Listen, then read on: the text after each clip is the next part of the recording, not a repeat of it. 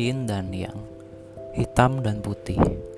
Dalam kehidupan kita sehari-hari, setiap kejadiannya pasti ada sisi positif dan negatif yang bisa kita petik atau kita pelajari. Podcast ini kami buat khusus untuk membahas sisi yin dan yang dari semua hal yang terjadi di kehidupan kita. Senang ataupun sedih, inilah kehidupan. Selamat mendengarkan, semoga menginspirasi. Oke guys, balik lagi ke podcast Indan yang bersama gue Yuda dan sayangnya pada malam hari ini gue sendirian karena ya mungkin kalau teman-teman yang udah ngikutin podcast gue sama Mas Nabil udah dari lama, kalian pasti tahu ya eh, Mas Nabil kan baru aja nikah eh, sekitar tiga minggu sampai empat minggu yang lalu. Nah kebetulan karena masih pengantin baru, otomatis ya masih ada masalah-masalah keluarga lah yang masih anget-angetnya terjadi nih. Jadi um, mohon dimaklumi jadi untuk di episode ke berapa nih? Ke 34 di season 2 ini gue sendirian, tapi nanti sebenarnya gue gak akan sendirian sih karena nanti gue akan ada bintang tamu yang sangat spesial nih dan sangat pas lah untuk membahas tema di episode ke-34 kali ini.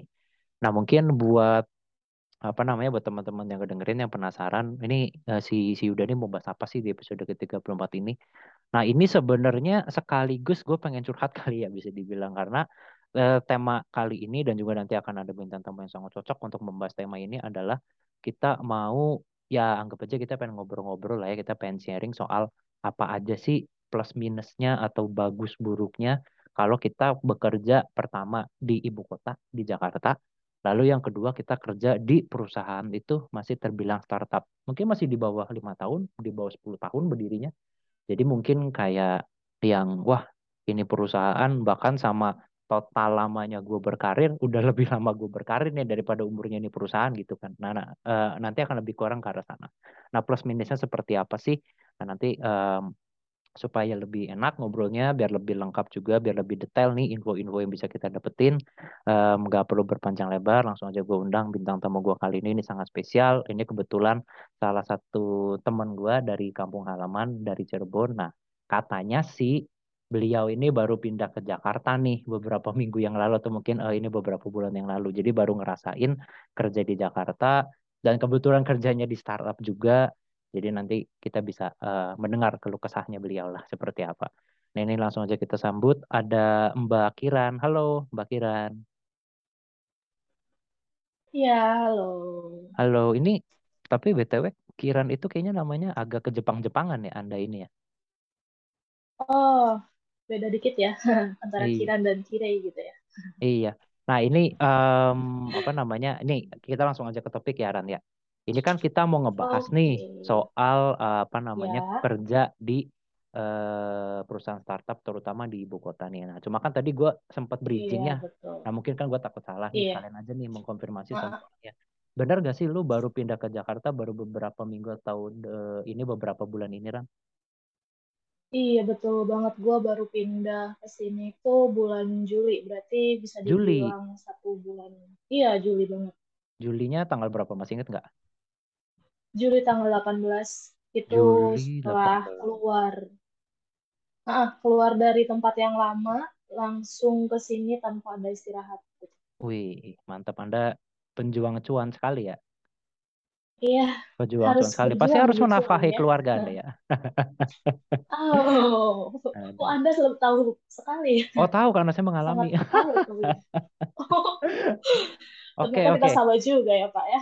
Betul. Nah untuk untuk saat eh, untuk yang itunya sayang sekali sama. Tapi BTW kalau baru ke Jakarta baru berarti kalau Juli tanggal 15-an berarti ya sekitar dua bulan atau dua bulan setengah lah ya hitungannya ya.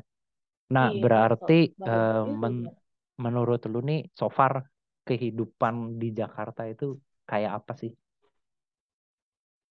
So far kehidupan di sini tuh kalau dikurangi dengan tidak dikurangi dengan beban pekerjaan ya, Iya iya.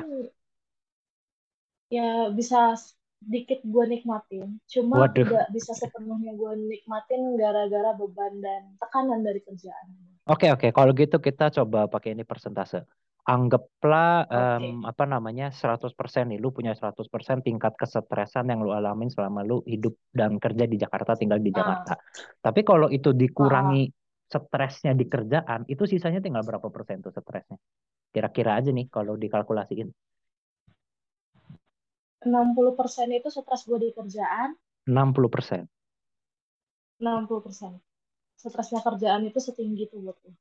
Sisanya Di perusahaan. set- stres karena cowok ya sisanya ya. Enggak Waduh. juga. Oh enggak Sisanya juga. stres karena kehidupan. Kalau untuk cowok paling 5% doang. lah. Oke, bagus, bagus itu. Itu harus dipertahankan tuh. Kita stres sama pasangan tuh harus dikit Oh. aja. Jangan sampai apalagi belum nikah kan. Belum gak usah banyak-banyak, Nah, itu. aja. Nah, Ntar kalau udah ini nikah tambah lagi stresnya. waduh, benar juga sih tapi. Nah, ini gue penasaran nih. Lu pindah dan kerja dan stay di Jakarta baru lebih kurang dua bulanan. Tapi eh, lu kerja Hmm. di perusahaan ini perusahaan ini sebenarnya perusahaan apa sih kan lu kayaknya kemarin-kemarin sempet sempet curhat sama gue tuh kok kayaknya parah banget sih ini perusahaan nih eh, ini manajemennya. Cuma sebenarnya gue pengen tahu ini Nah, perusahaan bergeraknya di bidang apa sih? Mungkin kalau lu eh, belum apa namanya belum berani atau belum mau nyebutin mereknya nggak apa-apa. Cuma gue penasaran aja. Ini perusahaan bergeraknya di bidang apa? Terus sebenarnya sebenarnya berdirinya udah berapa lama sih? Untuk berdirinya sendiri itu dia tahun 2018 sebenarnya. Oke, 2018 itu masih masih berdirinya. baru sekali. Baru empat tahun. ya masih muda banget gitu kan. Baru 4 tahun. Dalam 4 tahun itu sudah baru dua kali pergantian presidir.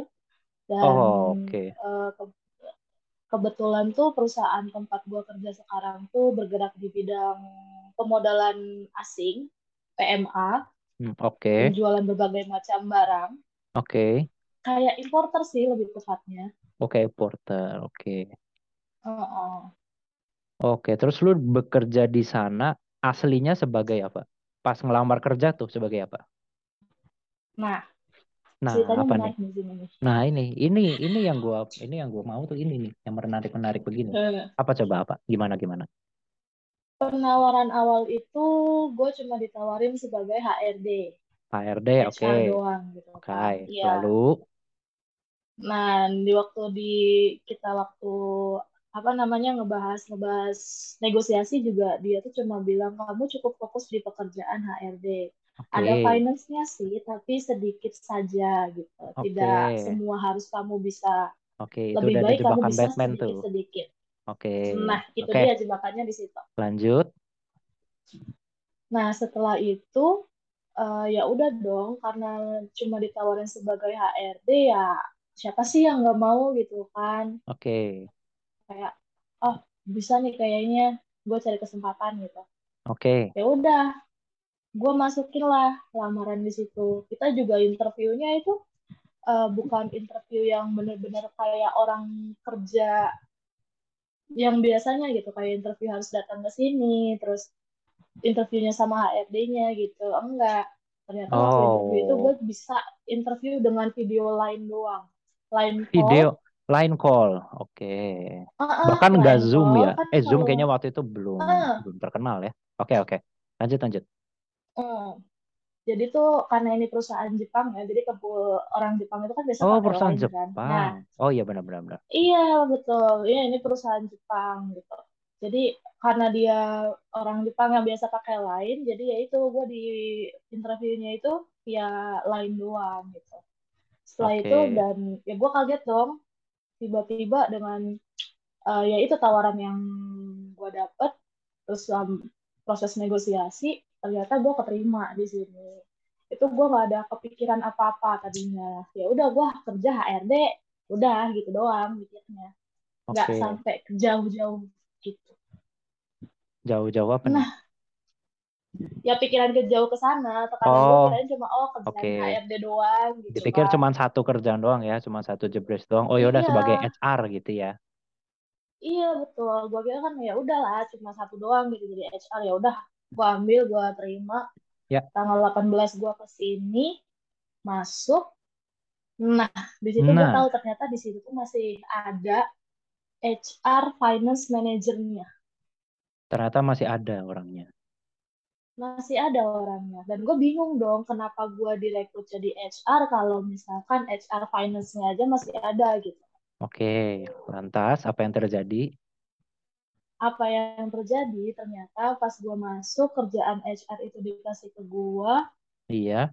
nah satu dua minggu itu gue masih ngerjain kerjaan HR doang tuh satu dua mingguan Oke, berarti masih oke lah ya satu dua minggu pertama. masih Lalu, oke satu dua minggu pertama itu masih ngerjain HR doang nah minggu lanjutannya, ketiga keempat minggu ketiga keempat gue harus bisa menguasai semua kerjaan finance juga oke, segitu orangnya masih ada padahal ya. Si tadi tuh yang segitu orangnya masih Manager ya. ada Oke, iya lalu lalu apa yang terjadi dong setelah itu? Sama orang itu bentrok dong. Apa gimana? Apa dia nah merasa merasa kerjaannya dibantu dia bisa gaji buta apa gimana jadinya? Nah, pasti sih. Pas awal-awal itu ya yang namanya kecemburuan pasti ada. Kayak, nih apaan sih anak baru kok tiba-tiba kayak ngambil kerjaan gue gitu kan. Oke, lalu Di situ tuh kayak orang-orangnya itu ya menganggap sebelah mata jadinya kan. Di situ udah mulai oke, nganggap ngeremehin lah, ngeremehin gue gitu. oke. Setelah itu, setelah dua minggu, dua minggu itu gue langsung ditunjuk jadi HR dan finance assistant. Sedangkan orang lama itu turun jadi finance-nya doang. Waduh, Gue nggak paham dah cara kerjanya mereka itu gimana. Tapi mereka tuh bener-bener seenaknya sendiri menurunin dan menaikkan jabatan seseorang. itu Nah, itu ber- itu berarti tadi setelah lu kerja berapa lama? Sorry, tadi tiga mingguan ya berarti ya? Ah, tiga mingguan. Tiga mingguan langsung dinaikin, sementara ada orang yang langsung diturunin. Berarti jadi eh, ini di bawahnya Ah, lu gitu ya? Iya, jadi di bawahnya gue. Wow, kebayang itu. Anda di sana pasti seperti Tom and Jerry dengan orang itu. Nah, itu dia tekanannya makin banyak kan ya. Ya, terus apa yang Jadi terjadi dong? di situ tuh udah mulai udah mulai stres tuh wah udah mulai stres jadi kayak bener-bener si orang ini nih nggak mau kerjaannya dia tuh uh, gua ambil Ya jadi kok pasti. tetap aja finance semua iya Iya, kan pasti gak ada orang yang mau lah diambil pastilah. kan Iya, iya. Di situ tuh dia uh, bersikap ya kalau misalkan gue disuruh nih sama si atasan gue buat Iya, ngerjain ini iya. nah sebelum gua ngerjain dia udah menyelesaikan duluan Oh, oke, gitu caranya ya. Bagus, bagus. nah jadi kayak kita, kita rebutan kerjaan gitu Oke, Padahal mah ya gue juga bersyukur sih gak ngerjain itu karena gue punya waktu buat sedikit mengurangi beban stres gue gitu kan. oke, betul, betul. Terus, Nah, setelah satu bulan gue kerja di situ, ya, gue dibilang sama atasan gue tuh gini, "E, nanti setelah satu bulan ini kira kamu ada tes ya katanya. Tes bisa tidak menguasai semua kerjaan finance kata dia tuh gitu. waduh, Di situ gue langsung ah pengen ngomong kasar jadi sama dia gitu kan. ya apa-apa Kenapa coba ngomong kasar aja di sini. bulan gitu?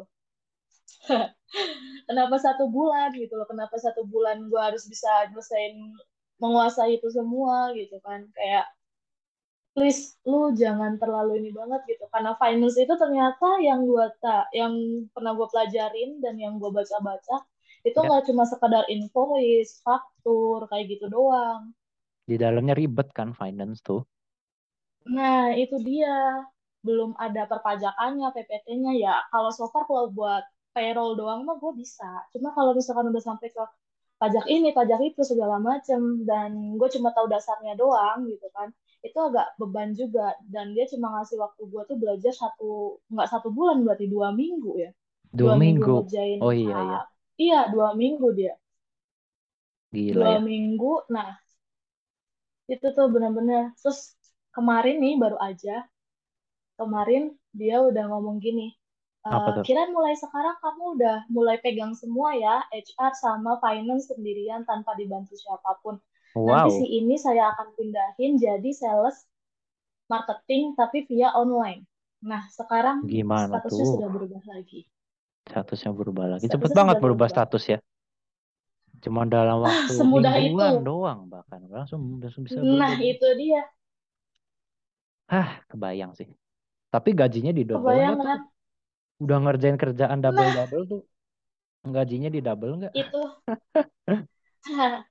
kalau untuk yang lama kan si yang finance HR ini kan dia gajinya di atas dua digit ya Oke, berarti tiga digit dong. nah kalau Di atas di atas digit, tiga digit digit ya? maksud gue ya dua digit lah gitu Oh iya iya iya. dua digit lah Oke oke. dua digit, dua digit itu kan lumayan lah ya Ya lumayan banget lah. dengan dengan dua job desk tapi ya nggak semua dia yang ngerjain juga sih karena dia juga punya asisten gitu. Oke. Sedangkan gua dengan kerjaan yang Nah, udah Anda bagaimana ini nasibnya? itu UMR-nya itu kan sekitar 4,5 4,8 ya 4,9 lah Em, gitu ya kayaknya sekitar segituan sih. sekitar segitu ya gue Iya, cuma lebih dikit doang lebih dikit tuh doang. Oke. cuma dapat 6 6 juta dengan semua kerjaan yang kayak gitu Oke, menarik sekali. Itu kantornya di mana sih? Di Jakarta mana?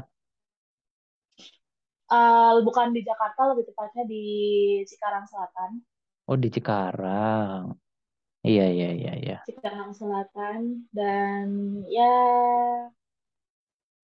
tidak jauh dari Lipo Mall Oke. Oke, kebayang sih. Kebayang, ya kebayang. itulah. Jadi kan lu tinggal di kawasan yang mahal gaji segitu terus habis itu eh, bos lu nih rese gitu kayak lu harus bisa gini ya lu harus bisa gini ya. Terus tadi pagi juga eh, dia ngasih pamflet gitu kan nanti kira terjemahin ini ya ke Indonesia. Wah itu di situ Wow, gue langsung wah ini orang ngajak ribut. Banyak sekali ketidakjelasan ya yang terjadi ya. Nah itu jadi kayak bertanya-tanya sebenarnya job desk gue tuh apa kayak harus eh, ngurusin ini harus ngurusin itu juga sedangkan penawaran awal itu cuma HR doang kenapa sekarang makin ditambah-tambah lagi jadi finance juga, translator juga. Sampai ada translator segala nggak tuh? Ya Allah, Nah, itu juga ya. Tapi dulu Ya, pas lumayan. awal masuk emang nggak ada ini tanda tangan kontrak ya, yang oh ini nama Kiran, misalnya nanti job desk akan ngerjain apa-apa-apa, apa aja eh, tugas dan tanggung jawabnya gitu loh, Ran. Emang nggak ada ya? Ada, PKWT ada. Eh, kayak tanda tangan kontrak itu ada. Ya, di bisa di Kalau ini dong mau, bisa didiskusikan dong berdasarkan itu. nah, kalau mau, dia orangnya sumbu pendek sih soalnya. Waduh, Jadi kayak misalkan pendek kita salah dikit aja. Iya, sumbu pendek banget. Jadi kalau misalkan kita salah nih, salah paham atau miss doang gitu, dia bakal ngomel-ngomel. Hmm, dia bakal ngomel-ngomel dan malah diumbar ke eh, morning assembly gitu. Jadi kalau misalkan kita salah nih, do ya, something wrong. Nah, nanti besoknya atau misalkan hari Seninnya nih, kita itu bakal dibahas di eh bener-bener kayak dibuka lah Aibu di morning assembly depan banyak orang. wah itu kalau gue boleh berpendapat sih itu nggak terlalu etis sih caranya kalau begitu. Nah, udah ngasih tekanan tambah matiin mental. Kalau Iya, gue sih gitu. setuju karena karena gini, gue pribadi pun ya, gue juga mengakui ya di kantor gue yang Hmm. juga masih tergolong startup sama berdirinya juga baru dari 2018, jadi baru empat tahunan ini kantor. Bahkan sama Hmm. usia gue berkarir pun udah lebih lama usia gue berkarir. Gue berkarir udah dari 2017. Ini kantor baru dari Iya bener. 2018. Jadi kebayang lah masih manajemennya, peraturannya, SOP semua segala macam tuh Nah, masih setidak jelas apa. Nah, itu pun didukung lagi ya kan dengan beberapa orang heeh. yang ibaratnya apa ya? Kayak dari dalam dirinya sendirinya pun mungkin soft skillnya nggak terlalu bagus. Kayak misalnya contoh di kantor gua Iya, itu iya. ada salah satu yang sebenarnya jabatannya udah agak tinggi ini dalam arti itu ya dia Hmm. udah bisa dibilang dia udah jadi atasan lah karena dia punya tim, dia punya beberapa bawahan. Cuma ternyata Oh. kalau menurut gue pribadi ternyata skill jadi leadernya tuh eh, masih ada minusnya, masih ada kurangnya gitu. Yaitu itu tadi seperti contoh yang lu barusan jelasin. Jadi kalau ada timnya Iya. atau ada bawahan yang melakukan kesalahan, mau kecil mau gede, itu dia dimarahinnya di tempat umum, dinasehatinya itu di tempat umum. Hmm. Dan dinasehatinya kan juga nggak yang baik-baik gitu. Kayak misalnya, Yud, lu tuh tadi salah loh, lu kan ngelakuin A nih, nah itu tuh salah. Lu tuh harusnya ngelakuinnya B, C, D begitu. Kalau misalnya begitu, kalaupun di depan umum, setidaknya lebih enak kan kita nerimanya kan. Sebagai orang yang dikasih Iya tegurannya betul. tuh, ya oh ya udahlah, oke gue Iya. salah, oh gue dikasih input nih baik-baik, oh ya udah. Tapi masalahnya si leader itu gue lihat ya marahin bener-bener marahin abis gitu si si timnya. Kayak lu kok tadi gitu sih? Kan gue udah udah ajarin jangan gini gini gini gini tapi gini gini gini. Dan itu di depan umum. Jadi kayak Oh seluruh seluruh penjuru ruangan itu tuh dari ujung sampai ujung tuh dengar gitu loh. Jadi even sampai ke tim lain pun yang tidak ada hubungannya sama kasus atau kesalahan itu tuh jadi tahu. Maksudnya gue Nah, tuh kayak ngapain lu marahin begitu ya di luar sefatal apa pun salahnya ya.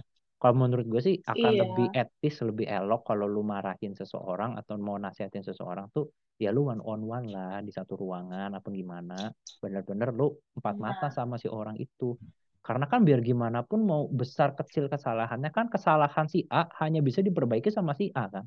Lu ngapain ngebiarin si B, betul, si C gitu ngedengerin? Emang mereka mau ngebenerin kesalahan si A? Nggak akan mau juga kan? Ngapain gitu loh maksudnya. Terus selain itu ada apa lagi Lan? Selain, eh, berarti kan itu termasuknya manajemennya masih belum oke lah ya karena dari job desk apa segala Mm-mm. macam orang bisa dinaikin diturunin jabatan seketika terus eh, job Nah, desk itu apa semua nambah dengan seketika tapi gaji atau benefit tidak mengikuti gaji terus di luar itu apa kayak misalnya eh, SOP SOP yang lain kayak misalnya waktu datang kerja waktu pulang kerja apakah masih ada yang mengambil kesempatan dari itu. Ada yang datangnya suka ngaret pulangnya suka lebih awal tapi nggak pernah dimarahin. Atau ada kejadian lain apa nggak nih yang menarik nih Hmm, dari perusahaan tempat lu kerja? Kalau kalau untuk itu mungkin gak terlalu menonjol banget ya karena ada peraturan juga kalau misalkan lu datang telat ya lu potong gaji. oh itu ada aturan begitu tuh? aja. Ada. Oh oh. Ada tempat gua. Berapa itu? Lu tau nggak? Kali misalkan tadi lu Jadi kan bilang kalau telat setengah jam aja itu udah uh, dipotong. Nah itu buat dipotongnya berapa tuh? Uh, uh, kalau untuk telat satu menit ya, misalkan lu masuk itu jam 8, Mm-mm. tapi lu pas nggak absen itu jam 8 lebih satu. 8 lebih satu oke. Nah, lebih satu menit doang ya, lebih satu menit oke doang. Itu lu kena potong 30 menit kerja. itu udah kepotong kayak 30 wow oke. Nah, kalau lu telatnya 31 menit, itu lu kepotongnya satu jam. oh gitu oke terus Mungkin bagusnya ada di situ sih ya. Jadi kayak orang-orang tuh bisa lebih, lebih apa disiplin namanya, bisa lebih disiplin tepat waktu. Dan kalau oke misalkan lu pulang, tapi lu nggak absen, itu lu potongnya setengah hari dianggapnya. waduh padahal misalnya dia hari itu on time gitu cuman dia pulangnya lupa absen "Ah, iya, itu bakal oke kepotong setengah hari. Waduh Jadi emang juga sih kalau ya untuk Iya, peraturan kayak gitu tuh emang jadi kayak tapi nih peraturan itu tuh berlaku untuk marketing atau orang lain aja bagian lain. Jadi kayak di tempat gua tuh ada satu bagian, ya dia ini bisa dibilang manajer dan eh, anak emasnya si bos ini. Nah, waduh oke kalau lalu tipikal orang Jepang itu kan ya kalau misalkan lu udah percaya ya dia bakal percaya banget gitu. Tapi kalau misalkan oke dia udah nggak suka, sekecil apa pun kesalahan lu bakal dianggap salah terus sama dia. oke oke kebayang terus Nah, si orang ini, si manajer ini, si anak emas ini, dia tuh selalu keluar tanpa apa namanya, tanpa laporan. Kan di kita itu kalau misalkan ada marketingnya, ya marketingnya itu kalau keluar tuh harus kirim foto di grup, di grup Oh, oke perusahaan. oke Jadi kayak misalkan satu hari ini lu marketing harus ada jadwal visit ke dua tempat. Nah, lu tuh harus laporan kirim di grup WhatsApp gitu kan. Tapi si anak emas ini, dia kalau keluar ke mana pun nggak pernah laporan, jarang laporan gitu. oke Terus kalau misalkan dia pulang duluan tanpa nge-clock absen pun, dia bakal dibiarin aja. oh oke Seru sekali ya.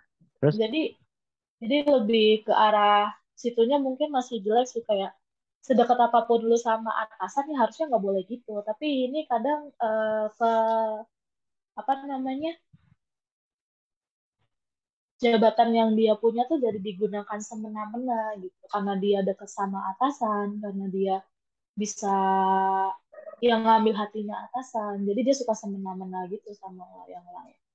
Bahkan orang-orang yang gue lihat di sana tuh, ya, gimana? mereka kalau mau aman kerja di situ, ya mereka harus deket sama situ. Maksudnya nggak usah nyenggol anak emas itu. Oh gitu, sampai segitunya ya? Iya, sampai segitunya.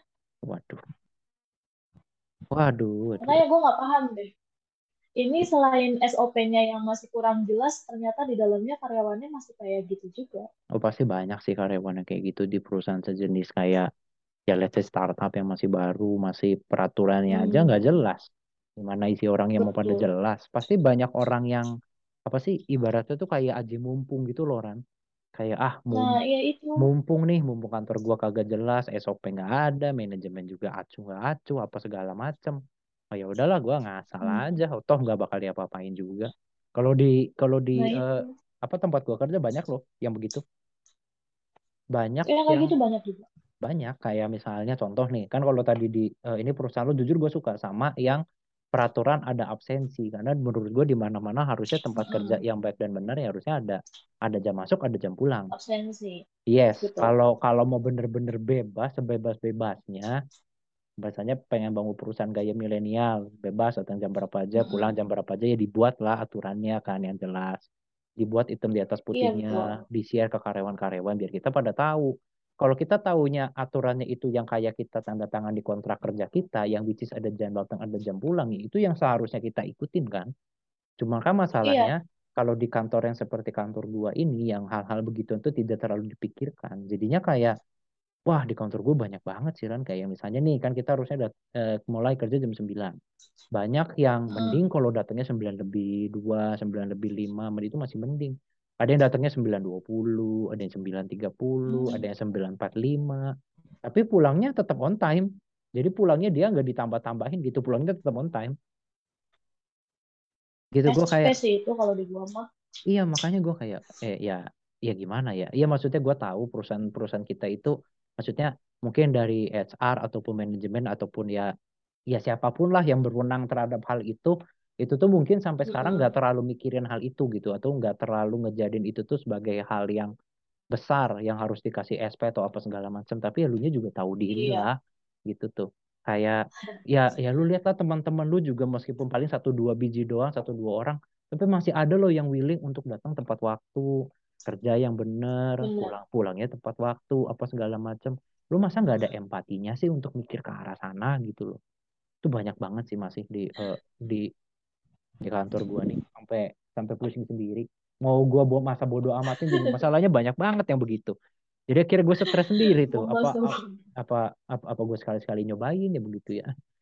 Cuman ih, cobain aja sekali. Masalahnya gini dan rumah gua tuh maksudnya jarak antara tempat tinggal ke kantor ya nggak bisa dibilang jauh juga sih. Banyak sih yang lebih jauh. Cuma maksudnya kayak daerahnya rawan banget macet gitulah yang biasa gua laluin tuh jadi gue takutnya makin siang gue berangkat makin mateng di jalan. Ntar gue nyampe kantor jadi medium rare kan bahaya.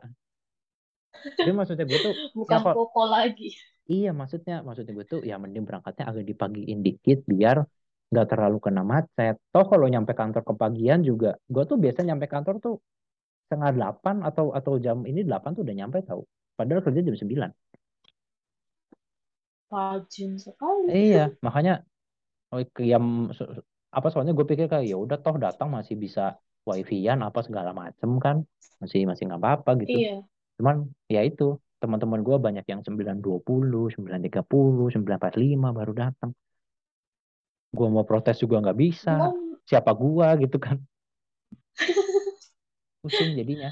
Gua masuk kerja jam 8 tapi gue jam setengah 8 udah di, di kantor soalnya gue pegang semua kunci kantor itu anda ngerangkap jadi satpam namanya sekalian sama OB nah tapi bener anjir. serius. Oh serius nih? Kayak jauh emang bener serius. Jadi ngerangkap jadi satpam. Iya OB juga. Kalau misalkan kan ada beberapa karyawan yang seenaknya diri kalau misalkan habis makan atau pakai pantry dapur itu kan aduh itu suka main asal menyebalkan taruh aja. Iya, itu menyebalkan sih dicuci ketemu gitu ketemu kan. ketemu orang kayak gitu sih astaga. Ada ya? Ah, ya sumpah ada sih pasti sih. Ada banyak aduh banyak. kenapa ya ada terus ya ya kalau orang-orang begitu. Padahal kayak apa sih susahnya tinggal dibersihin sampah habis kelar kita makan kita minum tinggal dibuang. Tong sampah kan juga udah disediain. Gak lu harus mendadak bikin nah tong sampah sendiri kan. Lu udah bisa tinggal pakai yang itu udah disediain gitu loh. Ini sampah sendiri aja kadang ya sampah sendiri aja kalau udah penuh gitu kan ya buang kek gitu. Atau misalkan lu habis makan nih cuci kek minimal lu habis minumnya cuci kek gitu. Lagian sabun gratis sudah disediain gitu apa susahnya sih nggak ada effortnya banget gitu. Ada orang-orang kayak gitu tuh. Oh, banyak. Bukan ada lagi bener-bener. banyak. Banyak banyak. Banyak bener-bener kayak gue di sini udah kayak ngerangkap satpam iya OB iya translator aduh. iya HR iya, finance iya, tapi gajinya cuma 6. Aduh, kalau gaji gue nggak mau terlalu interview terlalu jauh lah serem. Cuman ya kayak miris juga sih. Cuma maksudnya kayak gimana ya kan tidak sepatutnya sih bahwa satu orang itu ngerjain semua muanya. Maksudnya gue juga di perusahaan tempat gue Nah, kerja sekarang karena ini masih startup ya gue juga pernah ngerasain satu orang disuruh ngerjain minimal dua job desk tuh ya pernah juga dan bener-bener mabok gitu loh dan bener-bener ibaratnya kagak ada benefit lain selain gaji juga gue pernah ngerasain jadi nggak pernah ada bonus bulanan nggak pernah ada bonus tahunan beneran cuma makan gaji doang hmm. gitu pernah tapi kerja sampai Sabtu Minggu bahkan Minggu pun gue kerja pernah dulu Oh, zaman-zaman awal gue masuk. Dan itu jangan Sabtu dikira Minggu masih ditanyain. ya iya makanya kan. Dan jangan dikira Sabtu Minggu tuh masuk kayak misalnya cuma setengah hari gitu enggak. Tetap gue datang jam 8 pagi pulang Full. jam 9 malam. Sama aja. Uh, Romusha sih itu. ya makanya bedanya ini digaji doang.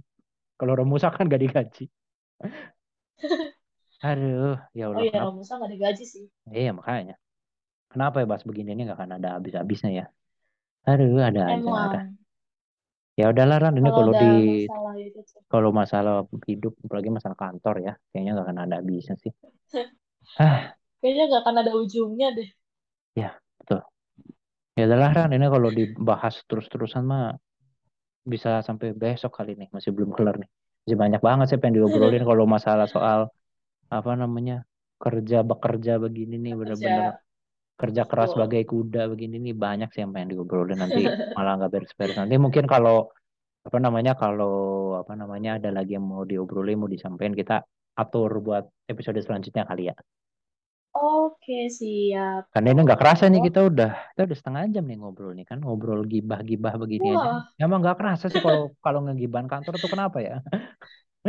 Emang nggak ada rasa puasnya kayaknya kalau ya ngomongin kayak kantor. emosi tuh yang selama ini terpendam tuh tersalurkan aja gitu loh semua. Ah, bahaya benar, emang. benar, benar, benar, benar banget, benar banget. ya makanya bahaya nih. Ini kita harus ngerem ya kan? Daripada nanti ada yang mendengar kan bahaya nih kita karya kan Oh, bisa terancam. Oke deh. Eh, oke deh. Terima kasih banyak oke. Kiran. Dan untuk teman-teman yang benar mendengarkan juga terima kasih. Semoga kalian bisa em, apa namanya menarik hal positif dari ini. Jadi kalau memang kalian sekarang sedang bekerja di startup atau mungkin juga mungkin sedang menjalani apa yang gua dan Kiran tadi sempat sharing. Atau mungkin buat teman-teman yang ada keinginan atau sedang berproses rekrutmen untuk masuk ke sebuah per- perusahaan startup ya kisi-kisinya tadi udah di udah di sharing juga. Jadi nanti jangan kaget kalau kalian mengalami hal ini ya tetap tetap semangat aja jangan menyerah. Ingat kalau memang kita bukan anaknya orang kaya ya kita harus tetap eh, semangat sih untuk bekerja untuk mencari nafkah intinya sih itu. Oke guys, mungkin untuk episode ke-34 ini cukup sekian. Semoga sekali lagi bisa menginspirasi dan terima kasih banyak sekali lagi untuk eh, eh, Mbak Kiran yang sudah datang, sudah menyempatkan waktunya di malam Sabtu ini. Silahkan nanti kalau habis ini mau ngelanjut ngedate atau apa silahkan. Oke Terima deh, kasih kembali sudah mendengarkan ya. Siap sama-sama. Semoga keadaannya bisa lebih baik ya untuk kita berdua. Amin. Amin. Oke, terima kasih eh, juga eh terima kasih sekali lagi untuk Mbak Kiran dan teman-teman yang mendengarkan. Gue Yuda pamit dan Gua eh, Kiran pamit. siap. Oke, sampai bertemu di episode selanjutnya. Bye bye.